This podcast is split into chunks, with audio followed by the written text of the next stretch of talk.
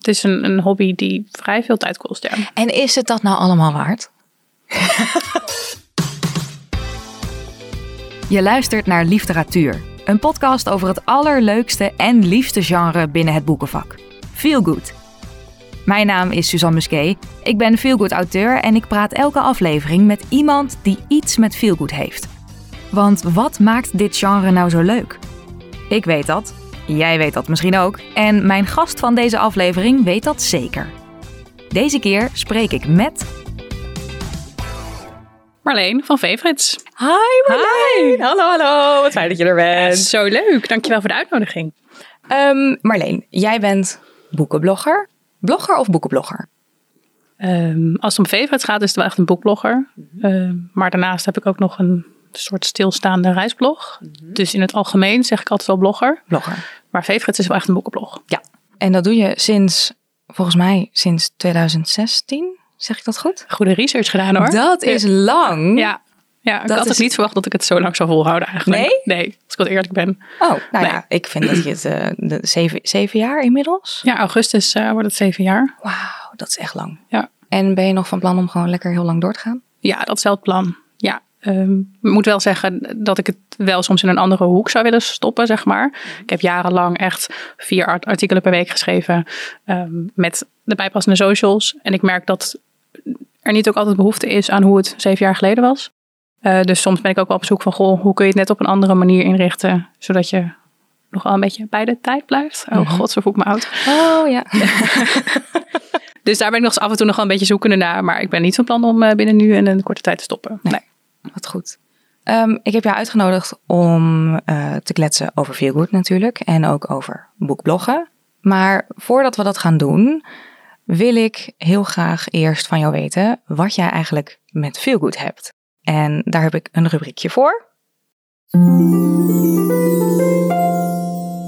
Een ode aan de feelgood. Lekker hè? Ja, wat een heerlijk muziekje. Ja. ja. dus ik ga een, uh, een uh, lekker muziekje voor je instarten en dan uh, wil ik jou vragen of jij jouw ode aan de feelgood wil brengen. Zeker. Feelgood is voor mij echt de perfecte manier om eventjes te ontsnappen aan het dagelijks leven. Ik lees behoorlijk veel en ook heel veel verschillende genres door elkaar. Maar Feelgood is voor mij echt een genre waar ik naartoe grijp als ik echt eventjes wil verdwijnen in een boek. Uh, dat heb ik met geen enkel ander genre. Uh, ik wil het geen guilty pleasure noemen, want ik heb echt een hekel aan het begrip guilty pleasure. Uh, maar het voelt voor mij wel echt als een warm bad waar je gewoon echt even in kunt verdwijnen. verstand op nul, soms ook niet altijd. soms de emotie van fictieve personage ervaren, meeleven. Ja, love it. Kan niet anders zeggen. Kan niet anders zeggen. Nee. Wat mooi. Thank you. Wordt mooi gezegd. Ja, ik, um, uh, ja, ik ben het hier natuurlijk gewoon helemaal mee eens. Want anders was deze podcast niet gestart. Nee, precies. En we zijn inmiddels al vijf afleveringen ja. onderweg. Dus ik ben al vijf afleveringen met iedereen eens zo'n beetje die hier, ja. uh, die hier aanschuift. En je schrijft het natuurlijk ook niet voor niks. Nou ja, dat is ja. natuurlijk ook zo. Dat, uh, ik, ik hoor jou inderdaad zeggen, het is echt een heerlijk genre om gewoon lekker in, in, in weg te kruipen, zeg maar. Ja. Um, ben jij een, een, een mood reader? Heb jij een voorkeur voor momenten waarop je veel goed erbij pakt? Um, altijd. Altijd. Nou, ja, ja, voor de afwisseling pak ik af en toe echt wel non-fictie of een keer een thriller of YA erbij. Maar over het algemeen, ik denk dat 90% van mijn gelezen boeken bestaat uit veel goed. Ik heb 90 procent? Denk ik wel. Wow. Inmiddels wel. Als je me dat drie jaar geleden vroeg, was het denk ik nog wel meer YA. Mhm. Maar ik merk dat ik nu echt automatisch naar YA grijp. Um, op mijn Kindle of op, de, op mijn Kobo. Naar veel goed grijp. Ja, wat zei ik dan? YA. Oh nee, nou veel goed. Nee, nee, veel goed. Misschien ook wel de leeftijd dat je op een gegeven moment gewoon ouder wordt. Waardoor je niet altijd heel goed mee kunt leven met bepaalde YA-personages. Zeker als ze wat jonger zijn. Um, maar veel goed is ook gewoon nog steeds zo ongelooflijk ruim. Je hebt veel goed, je hebt natuurlijk historische romans. Je hebt erotische romans. Je hebt uh, chick Je hebt, um, nou ja, you name it. Um, dus je kunt daar ook, ook in dat genre kun je nog zoveel verschillende kanten op. Dus het is niet dat ik altijd maar uh, erotische romans of alleen maar smut lees of alleen maar historische romans. Zelfs in het genre kun je nog ja, duizend en één kanten op. Uh, maar wat ik wel veel op jouw blog voorbij zie komen, is jij leest wel heel veel in het Engels. Ja, klopt. Waarom is dat? Um, wat is er mis met Nederlandse veel het uit? Nee. Heel veel. Nee. nee, er is helemaal niks mis met mijn Nederlandse veelgoed. Maar wat ik, uh, ik ben denk een jaar nu een beetje nou ja, best wel heel erg verslaafd aan TikTok. eh, waar ik heel veel Amerikaanse of Engelse TikTok, eh boektokkers volg. Ehm, en zij tippen echt heel veel leuke boeken. En die wil je dan gewoon lezen. Eh, of die moet, moet ik dan van mezelf lezen. Ehm, en dan met de afwisseling van eh, natuurlijk af en toe een Nederlands auteur tussen. Maar vooral als je die boeken tegenkomt op TikTok, dan zijn ze vaak nog maar net verschenen of nog niet eens verschenen. Ja, dan is de vertaling er gewoon nog niet.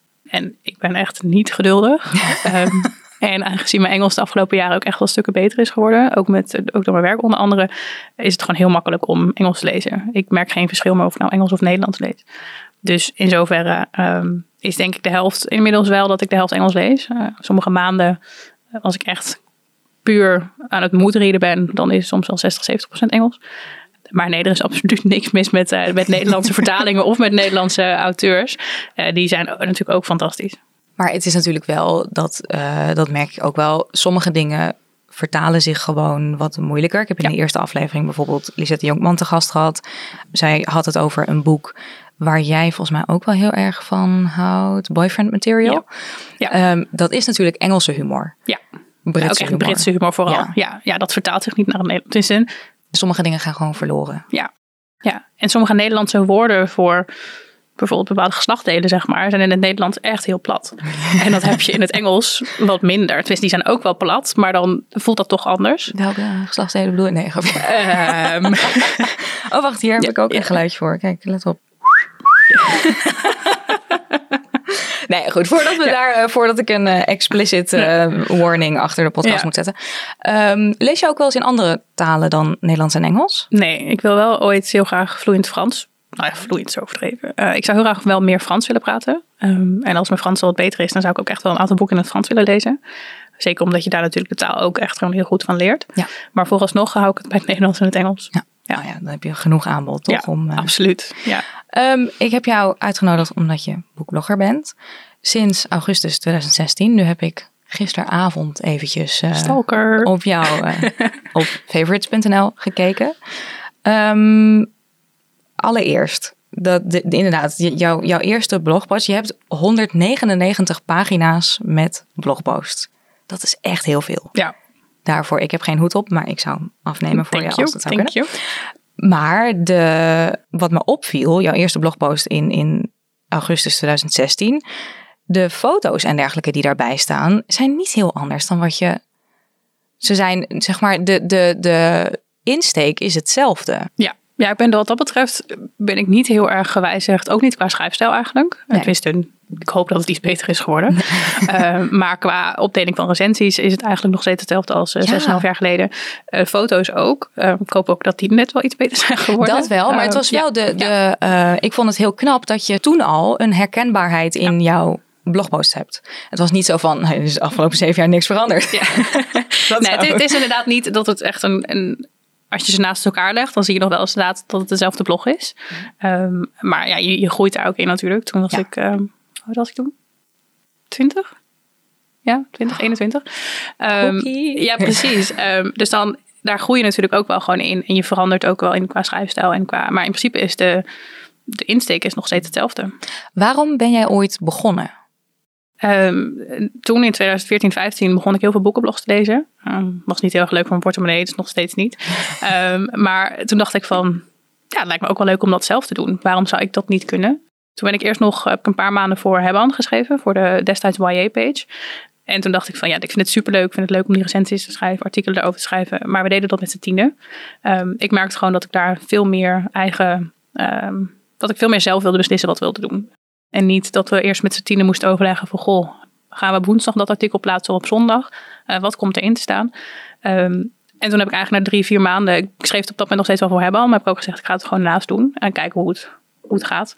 Ehm, nou, en het gaat nog steeds. Ja, we, blijven, we blijven bezig. we dus, blijven eh, lekker bezig. ja. Hoeveel, hoeveel tijd ben jij per week, per maand ongeveer bezig met je blog? ehm, Heb je een vast schema van ik ben elke maandagmiddag of maak ik foto's of wat dan ook? nee, ik, ehm, ik heb heel lang wel gehad dat ik eh, na het werk af en toe gewoon even een uurtje dat deed. Ehm, maar dat doe ik eigenlijk al een jaar ook niet meer. Ik heb nu dat ik echt één moment, twee momenten in de maand pak om echt 10, 15 artikelen er één keer uit te, te, te jagen, zeg maar. Ehm, Voor de hele ja. komende periode. ja, dan. en soms dan schrijf ik wel, bijvoorbeeld ik heb van de week heb ik een artikel met nieuw boeken, ja, die schrijf ik even tussendoor. Mhm. Maar ik denk als je het vergelijkt en een beetje over de maand uitstrekt, dat het zo'n 6 à 8 uur per week is. Ehm, ook met een foto's erbij maken, social media, ehm, Instagram post inplannen en in plaatsen. Ik denk dat je op 6 à 8 uur per week zit. Maar dat is echt gewoon nog een extra werkdag erbij. Ja. Ja, het is een, een hobby die vrij veel tijd kost, ja. En is het dat nou allemaal waard? Vooralsnog wel. nee, ik, heb, ik krijg ook echt hele leuke eh, kansen, zeg maar. Ehm, Bijvoorbeeld dit. En als ik niet had geblogd over boeken, dan had ik hier natuurlijk niet gezeten. Ehm, en ook, je wordt uitgenodigd voor leuke evenementen bij uitgeverijen. Je ontmoet auteurs. eh, je mag auteurs interviewen. Dus het brengt ook heel veel met zich mee.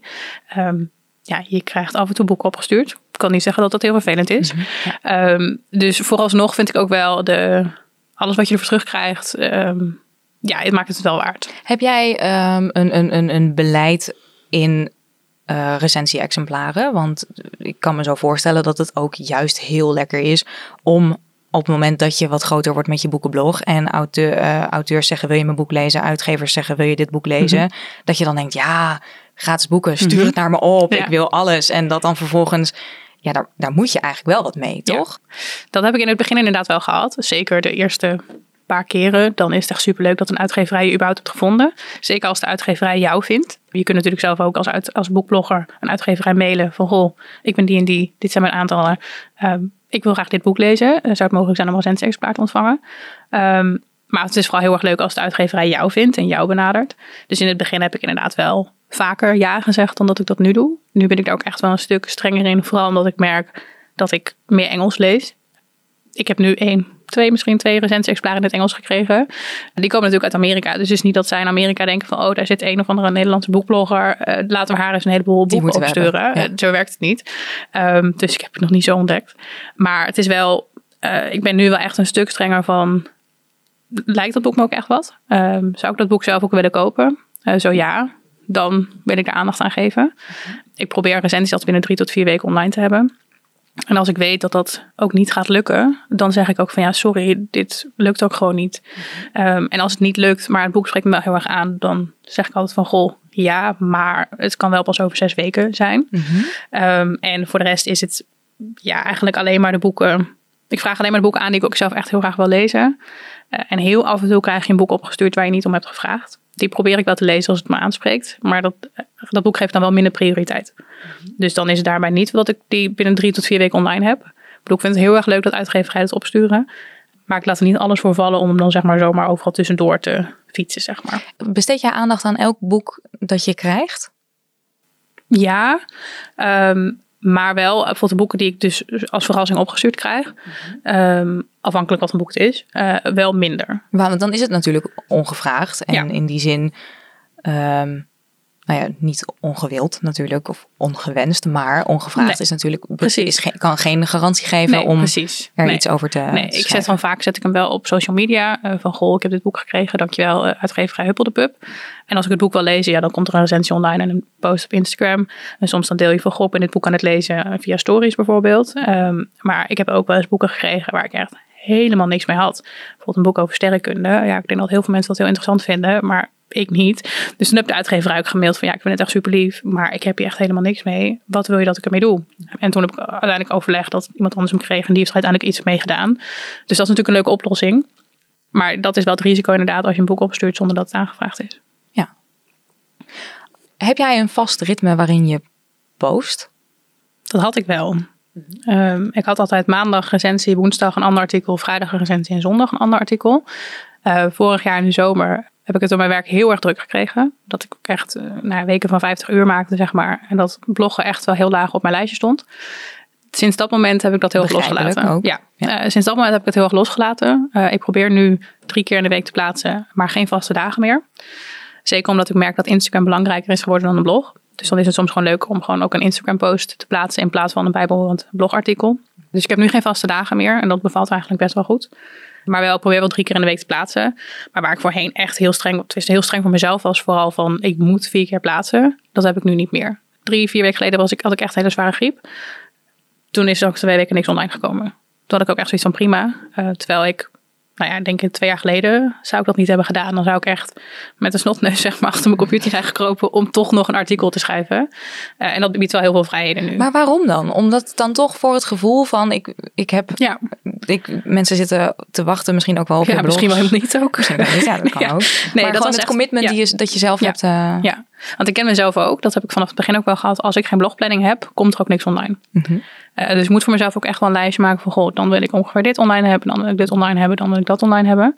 Maar zodra ik geen blogplanning heb, dan ja, kan ik echt van de aardbonen verdwijnen. Dan komt er ook echt niks komt online. Nu iets, zou de volgende blogpost in augustus zijn. Ja, precies. En um, ik vind het heel knap als mensen inderdaad denken, oh, ik heb nu een boek gelezen, ik schrijf er nu een recensie over, die staat over een uur online. Dat vind ik heel knap. Uh, dat, dat werkt niet in mijn hoofd. Um, dus moest mij wel echt een blogplanning zijn. Maar ik heb nu wel het laatste jaar, half jaar geleerd van, nou, dat kun je prima loslaten. Het echt niet dat de wereld vergaat als jij geen recensie online zet.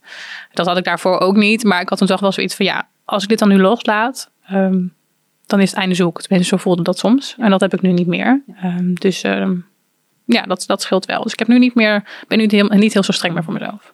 Ik heb een, een beetje een controversiële vraag. Praten over geld is altijd moeilijk. Mhm. Verdien jij aan je blog? Nou, dat is een beetje lastig. Ik heb vorig jaar heb me ingeschreven bij de Kamer van Koophandel met Favorites als bedrijfsnaam ook. Mhm. Um, maar dan is het niet met de, de blog zelf, maar meer met alle nevenactiviteiten, zeg maar. Ja. Um, heel af en toe krijg ik wel eens een aanbod van, goh, wil je een artikel schrijven en wil je daar dan betaald voor worden? Maar dat is niet dat je daarvoor je baan kunt opzeggen, absoluut niet. Dat is echt gewoon de ogen uit een keer een leuke bonus. En dat zijn ook geen artikelen per maand. Ik weet dat ik vorig jaar drie of vier betaalde artikelen heb gedaan. En dan is het ook niet dat je daar 10.000 euro voor krijgt. Dan is dat echt zeg maar tussen de 50 en de 250 euro. Krijg je dan per artikel daarvoor, zeg maar. Um, dus ik krijg ik ervoor. Ik weet wel dat anderen daar weer extra of andere bedragen voor krijgen. Um, en ik vind het ook eigenlijk wel goed dat daar meer openheid over wordt gegeven. Ja. Dus ik had vorig jaar ook vier betaalde artikelen voor 50 en de 250 euro. En waar, waar moet ik dan aan denken? Is, zijn, dat dan, zijn dat dan recensies? Zijn dat producten? Zijn dat... Um, ik heb één samenwerking gehad met een um, sieradenmerk. Mhm. Dan denk je van, goh, wat heeft dat godsnaam te maken met uh, boekbloggen? Nou ja. Niet, niet zo heel erg veel. Als je een boek vast hebt, wil je er ook leuk uitzien. Precies. Uh, nee, daar had ik bijvoorbeeld een artikel over geschreven van, goh, vijf Valentijns cadeautjes voor jezelf. Um, en daarbij kwamen wel weer boeken naar voren van, goh, koop dit boek voor jezelf, want dat is gewoon het perfecte cadeautje. En de sieraden was dan één onderdeel daarvan. Um, dat was dan een van de voorbeelden. Um, ik heb een samenwerking gehad met een televisiezender. Uh, die zeiden van, goh, boeken, series, past wel goed. dus daar moet je aan die hoek, zeg maar. Maar ik heb ook wel eens een aanbod gekregen goh, wij zijn een badkamertoko. Wil jij een artikel schrijven over een badkamer? dan denk ik van, heb je überhaupt gekeken wat voor blog ik heb? En dan had je niet dat je dacht, ik wil, nou, ik wil wel een nieuwe badkamer. Nou, ik, denk dat, ik denk dat het ook wel komt. We zijn uh, vier, vijf jaar geleden verhuisd. En toen heb ik wel wat artikelen geschreven over de verhuizing en hoe het is. Dus misschien dat, want het was niet heel lang daarna. Uh, daarna maar het is wel dat ik dacht van, uh, wat is je, je doel? zeker? Uh, ja, precies. Dus die heb ik wel afgewezen. Maar ja, dat, dat, ik krijg ook echt soms wel hele rare mailtjes van, goh, uh, ja, bijvoorbeeld een badkamer of een bank. En dan denk ik van, ja, ik wil wel, wil wel een nieuwe bank, maar dit is niet het, het medium daarvoor om, zeg maar, om jouw nieuwe bank uit te lichten. Uh, dus het zijn, ik probeer het wel altijd echt wel binnen uh, mijn blog te houden, dat het wel een beetje erbij past. Dus je bent best wel selectief dan inderdaad daarin. Ja. Want ik kan me ook voorstellen dat je denkt, nou, ik wil eigenlijk wel een nieuwe bank. Ik maak wel een foto dat ik zit te lezen op de bank en dan is dat... Dat is nog wel een hele goeie. Mocht ik weer een bank, weer ja, een bank? dat vind ik hem heel leuk. Nee. Dat onthouden we even, Ja, dit noteren we even. Ja. Nee, dat, ik, ik vind het zelf ook altijd best wel nep overkomen als je ziet bij influencers bijvoorbeeld van dat ze opeens een samenwerking hebben met een merk waar ze nog nooit iets mee hebben gedaan. Ja. Um, dan geloof ik dat niet. En dat wil ik zelf dan ook niet doen. Dat vind ik ook een beetje hypocriet. En ieder zijn ding hoor. Dat bedoel, maar zelf denk ik van ja, ik geloof niet dat mensen dan dat product ook daadwerkelijk gebruiken. En dan zou ik het ook niet snel kopen. Dus dan wil ik daar niet mijn naam aan verbinden. Ook al heb ik echt geen tienduizenden volgers en echt geen tienduizend lees per maand. Dat voelt dan gewoon niet zo goed. Heb jij uh, in de afgelopen, nou ja, ik zei zeven, maar augustus ongeveer zes, zes en een half jaar, ja. um, trends meegemaakt in het bloggen? Dingen die toen heel erg hip waren om te doen en waarvan je nu, want je had het net over BookDoc en over ja. Instagram. Dat is natuurlijk, is dat gegroeid in de afgelopen ja, jaren? Zeker. Uh, toen ik begon met de blog heb ik altijd gezegd, voordat ik begon, heb ik gezegd, ik ga nooit op Instagram. Ik ben op 1 augustus begonnen met mijn blog en op 1 september had ik Instagram.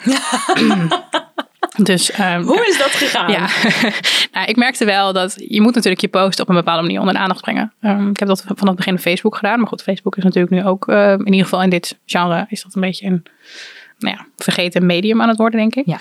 Ja. Um, dus ik dacht van ja, dat was ook wel gewoon leuk om het op die manier te doen. Uh, om dan toch alleen Instagram, alleen Bookstagram zeg maar te doen. Dus dat heb ik eigenlijk nog steeds. Ik heb ook geen persoonlijk account naast mijn Bookstagram account.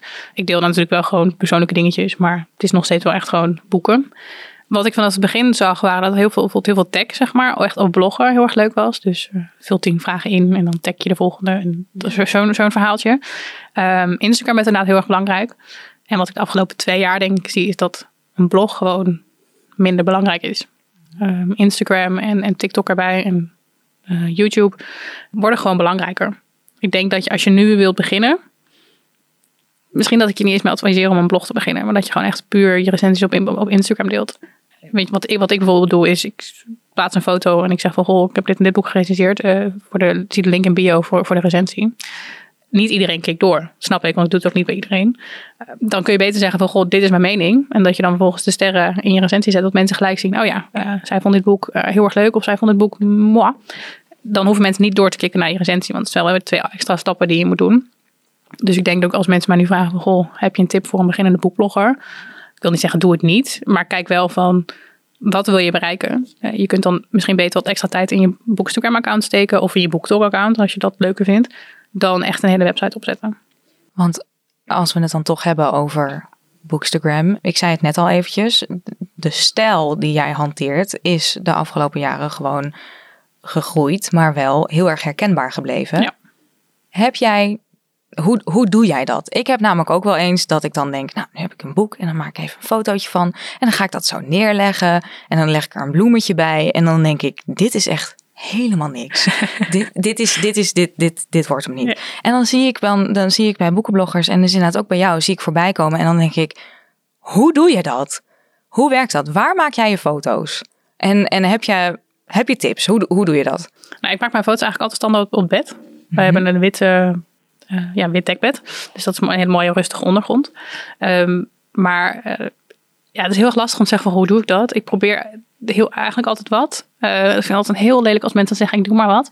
maar ik doe inderdaad ook echt maar wat. Als ik het ga forceren of als ik denk oh dat is leuk en dan leg ik dat bij elkaar. Dan denk ik altijd van nou laat maar. Ik, ik gooi wel weer bij elkaar. Het is vooral echt gewoon dingen bij elkaar gooien. Gewoon een beetje oefenen, een beetje schuiven. En, um, maar wat ik van sommige mensen weet dat ze echt duizend en één foto maken van één plaatje.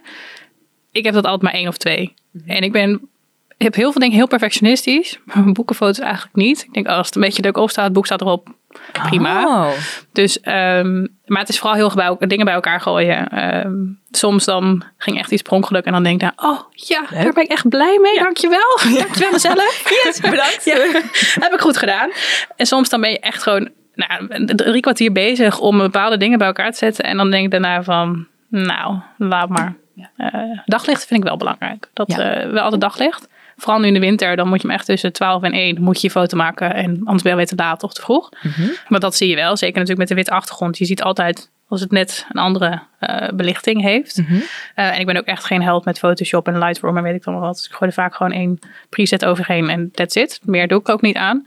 Want anders ben je er nog meer tijd per week aan kwijt. Maar in principe is het gewoon dingen bij elkaar gooien. Gewoon een beetje proberen, een beetje schuiven. En um, hopen op het beste. Maar jij zegt dingen bij elkaar gooien. Heb je dan een, heb jij een soort van uh, één lade thuis waar allemaal uh, droogbloemen in liggen en uh, de confetti of uh, dingetjes? Ja, of? ik heb een heel klein mandje met uh, zakjes confetti en bijvoorbeeld die boekstagram cards van, van Blossomboek, zeg maar, die ja. zitten daarin en de strikjes en, en dat soort uh, dingen.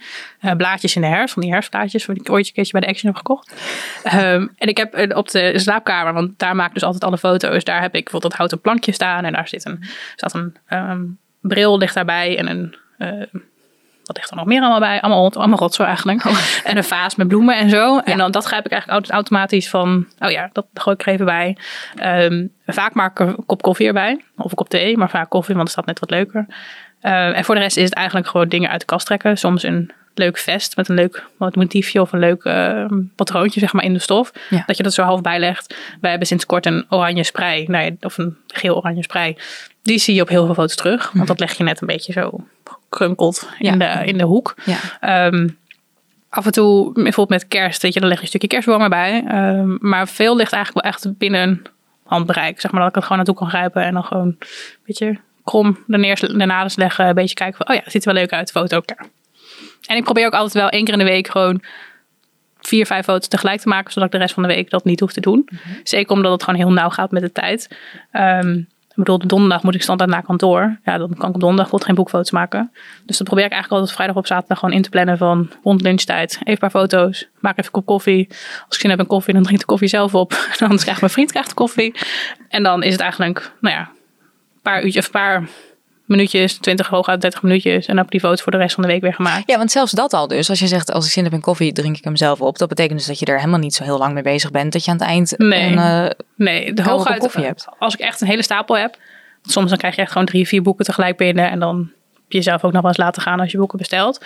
ik probeer altijd wel boeken te fotograferen voordat ik hem ga lezen. Want anders krijg je helemaal zo'n krinkel erin. Of dan gaat de eh, cover gaat zeg maar opstaan. Dus ik maak eigenlijk altijd de foto's voordat ik de boeken lees. En dan is het ja, gewoon een kwestie van stapel bij elkaar zetten. Ehm, en dan denken, oh, dit is wel een beetje een leuk kleurtje bij die. Dat is een beetje een leuk kleurtje bij die.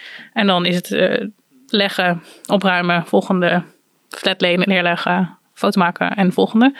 Dus al met al denk ik dat het een half uurtje ongeveer kost. Zie jij jezelf op een gegeven moment nog wel afstappen van het bloggen en alleen maar op Instagram en op social media Ja. posten?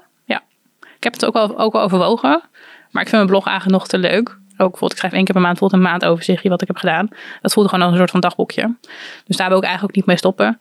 Ik weet ook dat mijn opa of mijn oma en mijn vader ehm, dat ehm, echt trouw lezen. Nou, Eh, en dan krijg ik wel echt een. Oh, wat een leuk artikel weer. De rest lezen ze allemaal niet hoor.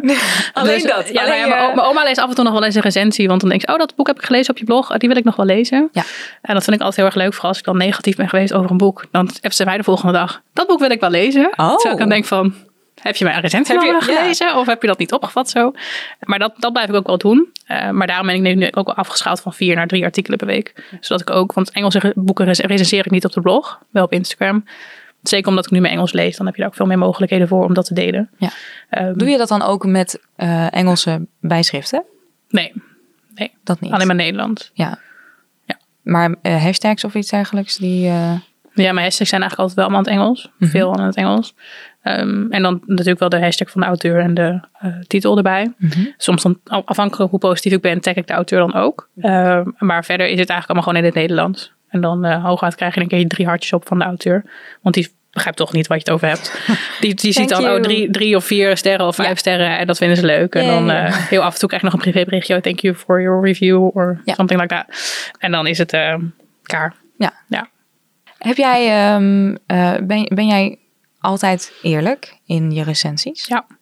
Ik denk dat ik daar bij Bij sommige auteurs... af eerlijk? Of, Ja. eh, Nee, je, eerlijk. je moet natuurlijk wel... Dus ik vind wel dat je gewoon altijd respectvol moet zijn. Maar ja, ik ben wel altijd heel eerlijk. Volgens mij sta ik bij sommige Nederlandse auteurs daar ook wel een beetje onbekend. Want dan krijg ik soms een berichtje ook. Ik vind het doodeng dat jij mijn boek leest. Ehm, dus sorry daarvoor. Ehm, maar ja, je kunt niet elk boek goed vinden. Ehm, en wat ik zelf echt verschrikkelijk vind is dat je weet dat iemand een boek verschrikkelijk vond. Of gewoon niet goed vond. En dan op social media, oh fantastisch boek, vijf sterren. Ja. En dan denk ik van ja, maar als ik nu zeg dat ik een boek echt heel erg goed vind, dan weten mensen ook dat ik het boek echt heel erg goed vind. Ja. En als zij dat boek lezen, dan kunnen zij hem slecht vinden. Maar over het algemeen, vooral de mensen die weten wat voor smaak ik heb, dat komt overeen. Eh, dan heb ik een aantal mensen die gewoon bijna precies hetzelfde lezen. Als zij zien van, goh, ik heb het boek vijf sterren gegeven, dan weet zij, dat boek ga ik waarschijnlijk ook goed vinden. Maar als ik continu vier en vijf sterren uitdeel, ook van de boeken die ik gewoon echt niet goed vond, je bent je geloofwaardigheid bij op een gegeven moment ook gewoon kwijt. En stiekem, nu niet meer zo stiekem, vind ik het heerlijk om slechte recensies te schrijven. dat is echt een van de leukste dingen die er zijn. Waarom? Het is altijd plaatsen. Oké. Ja, nee, het plaatsen is verschrikkelijk. Maar het schrijven, je kunt gewoon veel meer schrijven over iets wat je slecht vindt, dan wat je goed vindt. Ik bedoel, ja, weet je, ik heb een paar boeken meegenomen waar we het zo dan over gaan hebben. Ja, dat zijn boeken die ik echt heel erg leuk vond. Ja, dan is het ook van echt heel tof. Goed uitgewerkt, leuke chemie. Ja, Ja, ehm, vijf sterren, lees het. Ja. Ehm, maar als ik een boek echt heel slecht vond, dan kan ik zeggen van, goh, ja, die personages waren zo ongelooflijk ehm, verschrikkelijk en niet leuk. De chemie ontbrak. Weet je, daar zou ik echt een heel epistel over kunnen schrijven. Doe ik niet. Ja, doe ik wel, maar dan schaaf ik er nog heel veel aan. Maar dat zijn stiekem wel echt de leukste recensies om te schrijven. En is het dan wel dat je ze daarna nog een beetje soort van, nou ja, ik wil niet zeggen afzwakt, want dat klinkt alsof je dan minder, je bent nog steeds eerlijk. Ja, in principe wel. Want ik heb vaak dan, soms tijdens deze maak aantekeningen en dan heb ik zeg maar vijf, zes punten die ik dan niet goed of juist wel goed vond. Mijn recensies bestaan dus standaard uit drie alinea's. En vaak behandel ik in elke alinea een punt. Stel ik heb zes punten die ik echt verschrikkelijk vond in een boek. Dan krijg je er echt maar drie te lezen. Misschien dat ik er net nog een vierde invoeg als het een beetje bij elkaar past. Uh, maar ik ga echt niet een boek afkraken op alle punten die ik slecht vond. Uh, vaak is dan de conclusie van ja, dit was gewoon echt niet mijn boek. Soms als ik een boek echt gewoon echt heel erg slecht vond. Omdat het gewoon ook slecht uitgewerkt is. Bijvoorbeeld heel veel fouten erin en dat soort dingen. Dan zeg ik dat wel van goh, laat die echt links, links liggen. Maar verder, ja, het, wat ik verschrikkelijk kan vinden, kan jij bijvoorbeeld heel goed vinden. Uh, boek wat jij heel goed kon, kan vinden, kan ik weer echt ik vinden. Um, nou, daar gaan we het even over hebben. Nee. dus ik, ik ben wel altijd heel eerlijk, maar zeker met recensies waarvan ik weet dat de auteur hem zou kunnen lezen, dus vooral met Nederlandse auteurs, ja. ja, dan ben ik wel, ik ben nog steeds echt heel eerlijk. En dan tag ik de auteur ook absoluut niet. Als je hem dan gaat zoeken, dat moet je zelf weten, maar ja. ik tag je er niet in. Maar ja, dan, daar ben ik wel eerlijk in. Ja.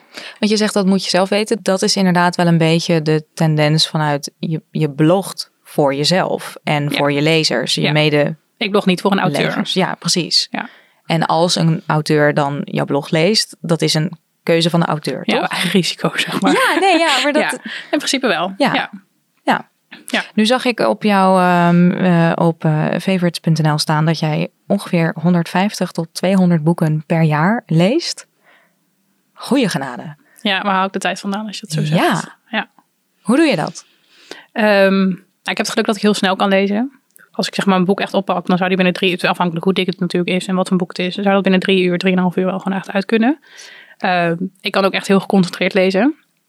Dus als ik een boek lees en zit op de bank, dan kan ik ook echt soms ook gewoon missen dat mijn vriend überhaupt iets tegen mij zegt.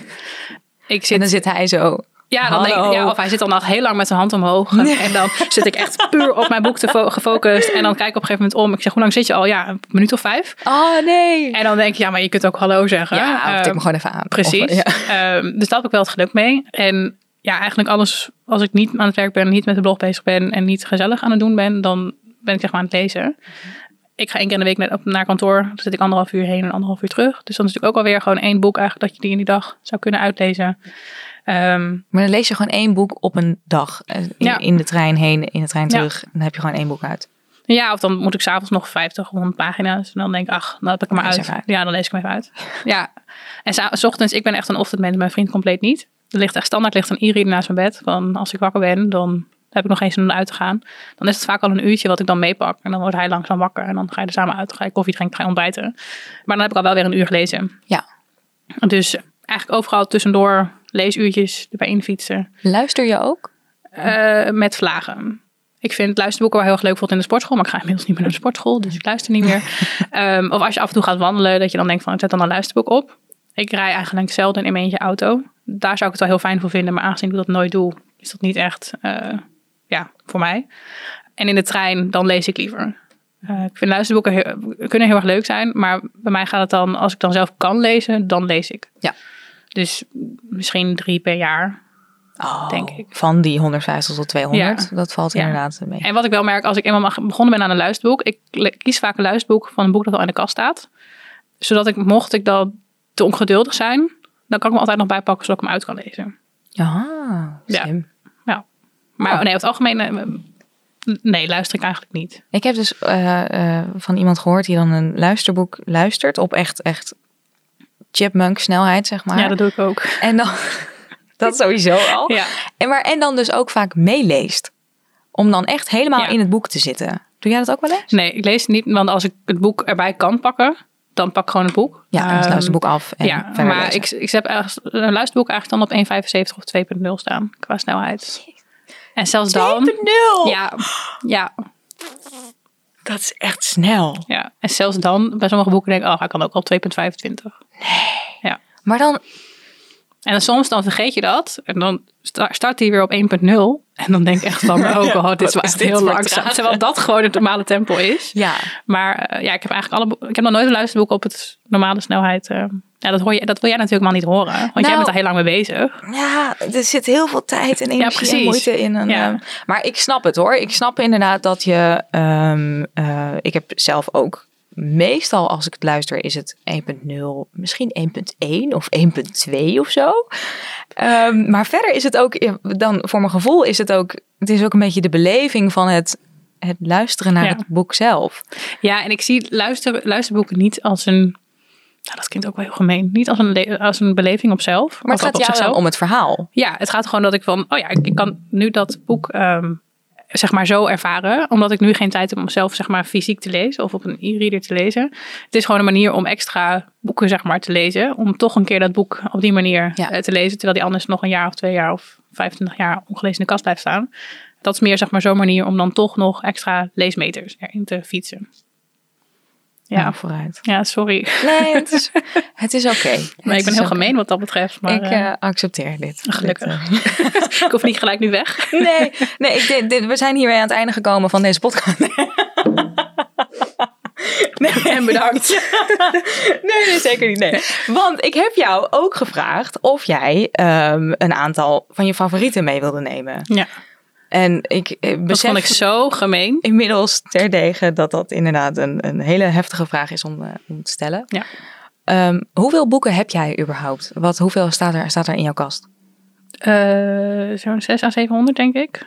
Ja, dus ik heb jou echt een onmogelijke vraag gesteld. Ja, en dan heb ik ook nog heel veel boeken gelezen die niet in mijn kast staan, die ik ook heel erg tof vond. Ja. Dus het was gemeen. Dat was echt heel gemeen. Maar ik heb het toch gedaan. Ja, en ik heb toch drie boeken En je hebt uitgekozen. toch drie boeken uitgekozen. Wat heb je meegenomen? Eh, nou ja, als, je, als iemand mij vraagt, goh, wat is je favoriete feelgood boek? Dan heb ik echt jarenlang gezegd van Voor jou, van Jojo Moses. Ja. Ja. Nieuwe voor you. Ja. Ehm, dat is ook nog steeds wel echt van... zo gehuild. Ja, ik boek. ook. Ik heb hem vijf keer herlezen en ik heb vijf keer zitten janken. Dus Oh, dat is zo echt een van de weinige boeken die dat voor elkaar heeft gekregen. Ja. Eh, maar goed, die heb ik niet meegenomen. Ik heb hem wel even genoemd.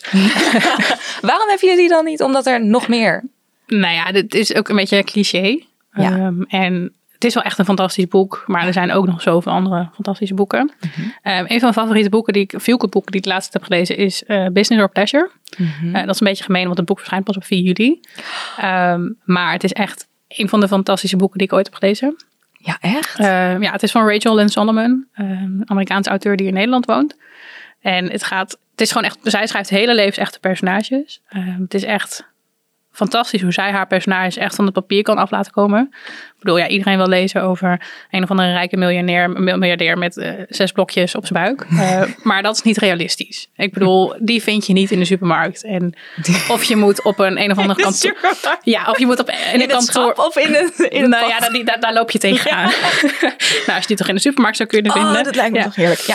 Eh, die vind je gewoon niet in het echte leven. Je loopt Ja. ook niet op straat tegen een rockstar, rockstar aan die jij denkt van, oh, ga mee met mij op tour. Dat gebeurt gewoon niet, want je hebt gewoon het echte leven. Dat gebeurt op Wattpad, gebeurt dat wel. Ja, precies. precies. En in hele leuke smutboeken. En af en toe is dat echt heerlijk om te lezen, maar het is ook niet altijd geloofwaardig. Mhm. Ehm, en de boeken van Rachel Lynn Solomon zijn echt zo realistisch en zo goed in elkaar gezet. Ik ben zelf wel echt iemand die heel graag smut leest. Ehm, bij mij Even mag voor echt, de luisteraars, wat is eh, smut? eh, ja, ik weet niet precies waar de afkorting, of het überhaupt een afkorting is, maar het is echt gewoon wat meer seks erin, een beetje spice, steamy. Daar mag je me echt voor wakker maken. En zij heeft haar boeken, zit over het algemeen zit daar wel een beetje seks in, maar niet heel veel.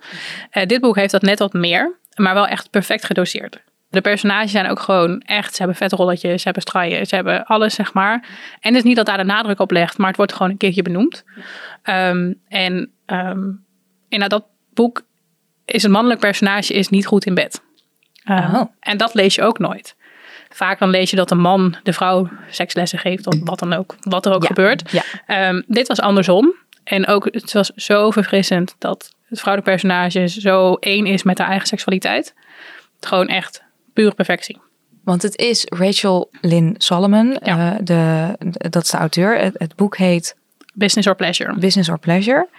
Voorlopig alleen in het Engels beschikbaar. Ja, En- maar ik verwacht wel dat er een vertaling eh, niet zo lang eh, zal duren. Oké, we ik hopen gewoon zeggen. heel erg dat hij eh, Ja. ook naar het Nederlands. Want zij heeft eerdere boeken. Ja, ze heeft, dat wordt haar achtste boek. Ja. Ze, heeft, ze schrijft zowel YA als romance. En ik heb nu voor de foto en voor de leuke gezelligheid heb ik haar vorige boek, A Weather Girl, meegenomen. Die is ook echt heel tof. Heb ik ook vijf sterren gegeven. Dus die is al wel beschikbaar, dus lees die ook. Ehm, maar ik vind dan Business for Pleasure is denk ik wel haar beste boek. Tenminste, vind ik haar beste boek tot nu toe. Ehm, en ja, het is gewoon echt fantastisch. Pure perfectie, kan niet anders zeggen. Pure perfectie kan Ja. wel zeggen. Ja. Nou ja, daar hou ik van. Ja. Daar hou ik van. Eh, ik heb, maar je hebt er meer mee ja, ik heb ook Line en Sinker meegenomen van Tessa Bailey. Die is wel vertaald bij Love Books. Ja, dit boek is ook... Ik had van tevoren had ik wel verwacht dat het gewoon een fijn, leuk boek voor tussendoor was. Maar de personages zijn zo goed neergezet en zo verfrissend. Ze communiceren met elkaar. Eh, ik hou echt wel af en toe van de miscommunicatie. Maar dit boek was gewoon... Ze gaven duidelijk aan van dit wil ik. Ik ben hier nog niet aan toe. Dat is gewoon echt zo verfrissend. En wat ik ook niet had verwacht. Ik heb hier echt bij tranen weg moeten winken, zeg maar. Ah. Dus, dat was ook echt wel een hele fijne. En zeker omdat het nu ook vertaald is naar het Nederlands. Dus ehm, deze. Deze van Tessa Bailey. Ja. Hoe klein en zinker. Ja. Ik eh, merk een beetje een, eh, een tendens in dat jij heel erg houdt van de realistische, Ja. niet per se ehm, head over heels rockster die je uit het publiek pikt. Die zijn wel heel leuk voor af en toe. Ja. Maar dat zijn niet de boeken die je bijblijven. Hmm. Eh, de boeken die je bijblijven zijn vaak of emotioneel of heel realistisch met echte personages. Ehm, bijvoorbeeld voor jou, eh, ja, ik wil niet spoilen, eh, maar ik gok dat iedereen dat boek inmiddels wel gelezen heeft of de film heeft gezien. Vast. Ehm, ja, dat is gewoon echt emoties tot de max. Ja. En nog net iets daarboven. Ja. Ehm, dat zijn de boeken die je bijblijven. Heb je eh, het nieuwe boek van eh Jenny Ja, Moyen die was ook heel tof. Daar heb ik ook nog getwijfeld of ik die mee zou nemen. Dat is, eh, in jouw schoenen. ja, Ehm, wel wat minder emotioneel dan sommige andere boeken die ze heeft geschreven. Maar wel echt wel met recht een Jojo Mojo's te noemen. Hmm. Het is wel echt, ja, echt ook een topper. daar ben ik nog heel, daar ben ik nog heel benieuwd naar. En als laatste heb ik ehm, een boek die je eigenlijk niet zo vaak voorbij ziet komen. Nu al helemaal niet meer. Dit is graag gedaan. Nonnie Blake. Ja, oh die cover ziet er heel leuk uit. Ja, het is echt. Ik heb ehm, eigenlijk nog nooit, tot ik dit boek las, nog nooit een crush gehad op een vrouwelijk personage. Dit was het allereerste boek waarbij ik een crush had op een vrouwelijk personage. Nonnie Blake is fantastisch. Ze is echt, ja, echt gewoon, daar kun je verliefd op worden. Ben ik Is ook wel zij een beetje. ook, want ik zie, de, de cover is, eh, zie ik een soort getatoeëerde chick met een, eh, met een aantal rozen en een eh, microfoon. eh, een, een, echt zo'n vintage microfoon, zeg maar. Is, is dat ook Noni Blake? Nee, tenminste. ehm, ze gaat, het is eigenlijk een soort van, het wordt neergezet als een Eat, Pray, Love story, zeg maar, een verhaal. Mhm. Ja, dat, dat verhaal heb ik, vond ik echt helemaal niks. Dus toen ik dit boek aanvroeg en, en kreeg en las, dan dacht ik van, nou, laat het alsjeblieft niet te veel Eat, Pray, Love zijn, want dat boek, dat die veel en dat boek vond ik echt verschrikkelijk. Mhm. Eh, of steeds verschrikkelijk, was gewoon echt niet mijn ding. Ehm, en het, ik krijg wel, het, het is een beetje van, je gaat op zoek naar jezelf. Eh, wie ben jij, zeg maar? En ze gaat aan de andere kant van de wereld. En, en wie ben jij dan als je alles zeg maar achterlaat om op zoek te gaan naar wat je wil, eh, wat je wensen zijn. En ze ontmoet wel een man, maar daar draait het niet alleen om. Het draait echt compleet om de zoektocht naar zichzelf. En ze is zo stoer, zo badass. Ja, love it. Oh, Ja, graag gedaan Noni Blake. ja. Van dus eh, van Claire Christian. Claire Christian. Claire Christian. Ja. En zoals ik al zei, het is echt onmogelijk om favoriete boeken te kiezen. Dus de boeken van Chloe Liese zijn ook heel erg tof. honorable mentions? Ja. Eh, nou ja, we hebben het begin al gehad. Boyfriend Material van Alexis Hall is ook echt fantastisch. Ehm, de boeken van Beth O'Leary zijn ook echt fantastisch. Ja. Die hebben ook echt wel zo'n twist dat ze echt geen standaard feelgood zijn. Ja. Eh, Veel liefs. eh, ja, veel liefs. De nieuwste Drie Dates Drie Dates. was ook heel tof. Mhm. Ehm, Tot snel heeft ze ook ja, geschreven. tot snel. En de roadtrip. Ja. Eh, ik denk dat eh, veel liefs en, en de laatste denk ik wel mijn favoriet van haar zijn. Mhm. Dus, ehm, maar goed, al haar boeken zijn echt wel heel leuk. De eindeloos serie van Wendy Brokers. eh, de boeken van Talia Hibbert. eh, jouw boeken, obviously. Bedankt. Eh, maar goed, ik vond het echt heel gemeen dat je mij liet kiezen. Ja, sorry. Ja, ja mag je niet meer doen. Ehm, nu heb ik natuurlijk ook een vaste rubriek eh, waarbij er een tip komt van de boekhandelaar. En daarvoor heb ik een knopje.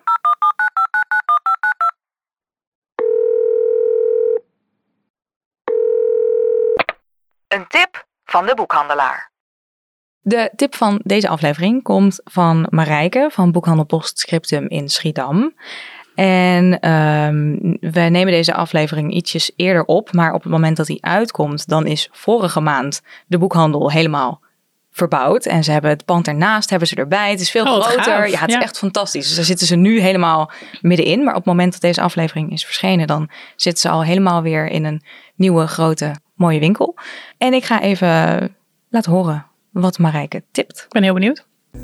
Hoi, Marijke hier, boekhandel Postscriptum in Schiedam. Mijn ultieme feel-good tip is het boek Ik pleit voor jou van Marijke Vos. Het is een eh, al wat ouder boek. Ehm, ook weer niet stokoud, maar het is het eerste boek wat ik van haar las. En eh, ik heb het gelezen toen ik in Frankrijk was op mijn favoriete plek. Maar ik heb alleen maar gelachen. Echt hardop gelachen. Ik, ik vond het zo'n onwijs leuk verhaal. En eh, de humor van Marijke spreekt mij enorm aan. Het boek gaat over een eh, ehm, advocaat. En die, eh, die wil een promotie binnenslepen. Maar nou ja, er gaat uiteraard van alles mis. En ze ontmoet dan een andere advocaat die eigenlijk haar tegenpol is, maar waar ze stiekem toch wel een beetje zenuwachtig van wordt. En eh, nou ja, met allerlei eh, grappige eh, gebeurtenissen van dien. Dus ik, ja, dit boek heeft, ik vind al haar boeken leuk, maar deze staat voor mij echt nog steeds op nummer 1. Dus ik pleit voor jou van Marijke Vos. Doei! Nu heb ik een klein beetje vals gespeeld, want ik heb jou deze tip alvast verteld. Omdat ik wist dat jij, ik pleit voor jou, ook hebt gelezen. Nou, wat vond je ervan? Nee, het is inderdaad al een tijdje geleden dat ik hem heb gelezen. Het is natuurlijk een, inderdaad een wat oude boek. Ik denk nu Ja. twee, drie jaar oud of zo. En want je hebt hem toen, meteen al toen hij verscheen, heb je hem gelezen. Ja, en ik vond hem echt heel erg leuk. Ik vond het dus ook wel heel erg leuk. Ik heb zelf recht gestudeerd. Ik doe er niet zoveel mee mee, maar ik heb het wel gestudeerd. Ehm, wel heel erg leuk om dan een keer een Nederlandse ja, legal romance te, te lezen, zeg maar. Bedoel, in Amerika is het natuurlijk vrij groot, eh, maar hier eigenlijk helemaal niet. Dus dat was wel heel erg leuk, ook om dan echt de Nederlandse wet en een Nederlands, het Nederlandse recht, zeg maar, daarin terug te zien. Eh, maar ik ben het helemaal eens met de tip. Het is echt gewoon grappig. Het is, eh, er zit echt heel veel humor in. De personages zijn heel erg leuk. Dus, eh, Leo. Ja, Leo. Oh, Leo. Ja. Iedereen is verliefd op Leo. Precies. Ehm, en dat snap ik ook wel. Ja. Ehm, dus nee, dat is echt, ik denk dat het ook mijn favoriete boek is van Marijke. Ja, ik denk dat dus ook. En dat heb ik ook al eerder tegen Marijke gezegd in, eh, in aflevering 2, dat dat ook eh, zo is. Want ik, ik, ik pleit voor jou, ik, als iemand aan mij vraagt, ik wil graag boeken van Marijke Vos lezen, welke, wil ik dan, welke moet ik dan eerst?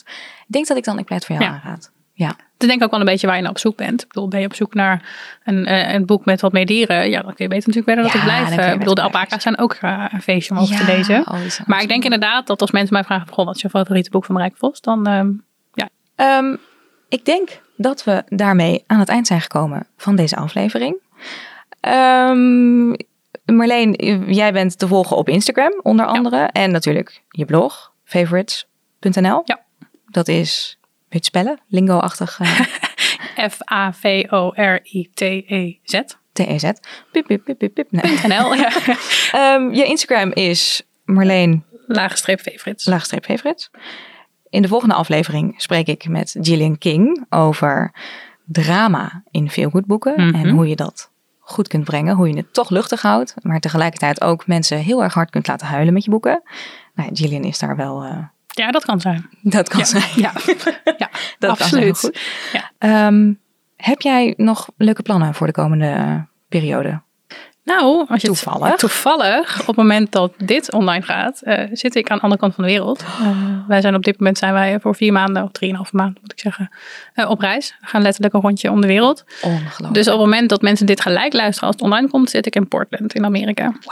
Ja. En dan heb jij daar ook een Instagram. van- Want je gaat er gegarandeerd over bloggen, toch? ja, dat is wel het plan. Ja. En eh, niet per se eh, direct als je er bent, zo van vandaag zitten we in Portland. Ehm, waar gaat de reis eh, naartoe en hoe kunnen we je volgen? Nou, we beginnen in, in Florida, in Miami en in Orlando. En dan vanaf daar vliegen we door naar Portland. Dus Portland is eigenlijk een beetje onze tweede stop. Ehm, ik ben van plan om te bloggen op mijn andere blog, uh. Eh, de link daarvan staat ook in mijn bio van Favorites. Dus dat hoef ik niet al te ver te zoeken. Heel goed. Ehm, en ik ben ook wel van plan om regelmatig wel leesupdates te geven. Ehm, want ook al gaan er geen fysieke boeken mee, maar wel drie e-readers. Ehm, Drie dus- e-readers? Ja, dat klinkt ook wel heel erg decadent. Drie e-readers vol. Ja, nee, dus ik heb drie e-readers zitten in mijn tas, in mijn koffer. Dus eh, ik ben ook zeker van plan om wel regelmatig te lezen. Waarom drie? Even. Nou, ik heb een Kindle en een Kobo. Ja. En ik heb sinds kort ook een hele grote, of dus een vrij grote Kobo. Kobo. Oh, ja, je eh, hebt, eh, de Kobo Ellipsa. Ja. Eh, om even een reclameblokje erin te gooien. Ja. Ehm, nee, dat is wel echt gewoon voor manuscripten. Mocht ik, ik bedoel, zoals ik al eerder zei, ik heb dus naast Favorites ook een bedrijf, soort van bedrijf ervan gemaakt. Dus als iemand wil van, goh, wil jij mijn manuscript lezen, terwijl we op reis zijn, dan heb ik daar denk ik ook nog wel tijd voor. Dus vandaar dat die ook in mijn tas zit.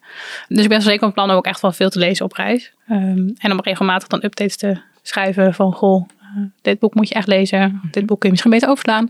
Ehm, en nou, af en toe misschien een recensie. Niet drie keer per week, denk ik, maar wel eh, regelmatig. Mhm. En echt de reis ehm, updates, die zullen volgen op Who's Watching Mango. Who's Watching Mango. Dat is het plan. Mango is jullie konijntje. Ja. En in de tussentijd kunnen we jou dus helemaal, eh, helemaal blijven volgen. En Ja. ik hoor jou dus net zeggen, ehm, je hebt dus de, een, een, een grote e-reader om Ja. onder andere manuscripten op te lezen. Dus we kunnen jou ook inhuren. Zekers.